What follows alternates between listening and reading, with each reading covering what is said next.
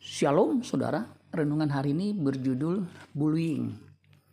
Kejadian 21 ayat 8 sampai 10. Bertambah besarlah anak itu dan ia disapi. Lalu Abraham mengadakan perjamuan besar pada hari Ishak disapi itu. Pada waktu itu Sarah melihat bahwa anak yang dilahirkan Hagar, perempuan Mesir itu bagi Abraham, sedang main dengan Ishak anaknya sendiri Berkatalah Sarah kepada Abraham, usirlah hamba perempuan itu beserta anaknya. Sebab anak hamba ini tidak akan menjadi ahli waris bersama-sama dengan anakku Ishak. Ishak lahir di masa tua Abraham. Usia Abraham pada waktu Ishak lahir 100 tahun, sedangkan Sarah istrinya 90 tahun. Jadi Ishak adalah anak yang sudah lama sangat mereka nantikan melalui sastra Yahudi kita ketahui bahwa budaya zaman itu biasanya ada sebuah pesta cukup besar diadakan saat penyapihan anak.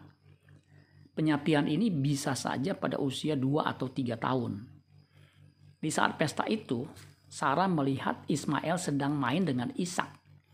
Ismail yang diperkirakan berusia 17 tahunan bermain dengan Ishak yang jauh lebih muda darinya. Apa yang membuat Sarah marah waktu melihat Ismail sedang main dengan Ishak? Tentu ada dasar kemarahan seorang ibu ketika mengetahui anaknya sedang dipermainkan.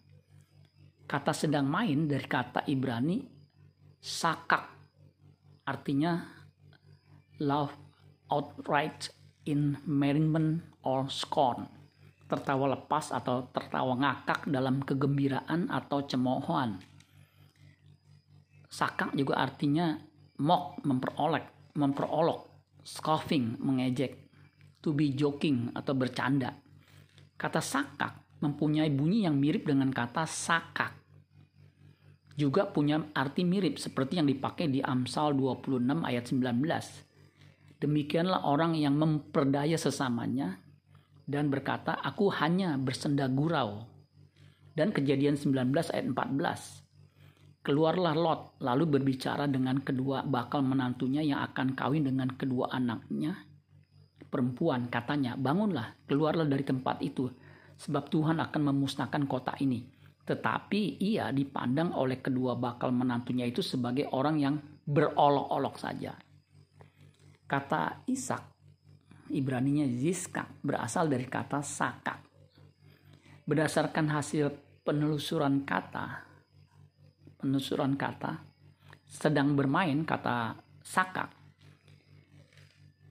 maka kemungkinan besar makna dari kata itu Ismail yang sudah mendekati pemuda sedang membuli Ishak yang masih kanak-kanak.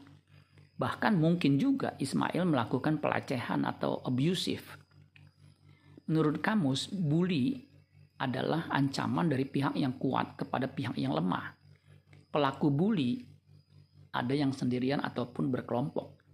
Berbagai jenis bullying, bulian, pembulian atau bullying yaitu berupa penindasan verbal, penindasan fisik, penindasan di dunia maya, penindasan seksual dan tindakan pengucilan.